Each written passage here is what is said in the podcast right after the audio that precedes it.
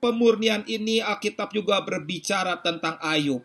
Ayub yang tadinya seorang yang sangat kaya raya, pada saat itu juga apa yang dia punya itu habis ludes. Dia menjadi bangkrut, dia benar-benar yang punya menjadi yang tidak punya, yang terkaya menjadi yang paling termiskin. Saat itu juga dia benar-benar dalam kondisi dimurnikan. Tetapi apa yang keluar dari hati Ayub pada saat itu? Dia tidak mencela Tuhan, dia tidak menyalahkan Tuhan, dia tidak berkata Tuhan tidak adil, dia tidak berkata seperti anak-anak Tuhan pada umumnya. Masalah sedikit aja berkata Tuhan tidak sayang kepada saya, tapi Ayub berkata lain. Kualitas kekristenan kita tidak dapat dilihat ketika kita lagi happy ketika kita lagi senang, ketika kita lagi nggak ada masalah.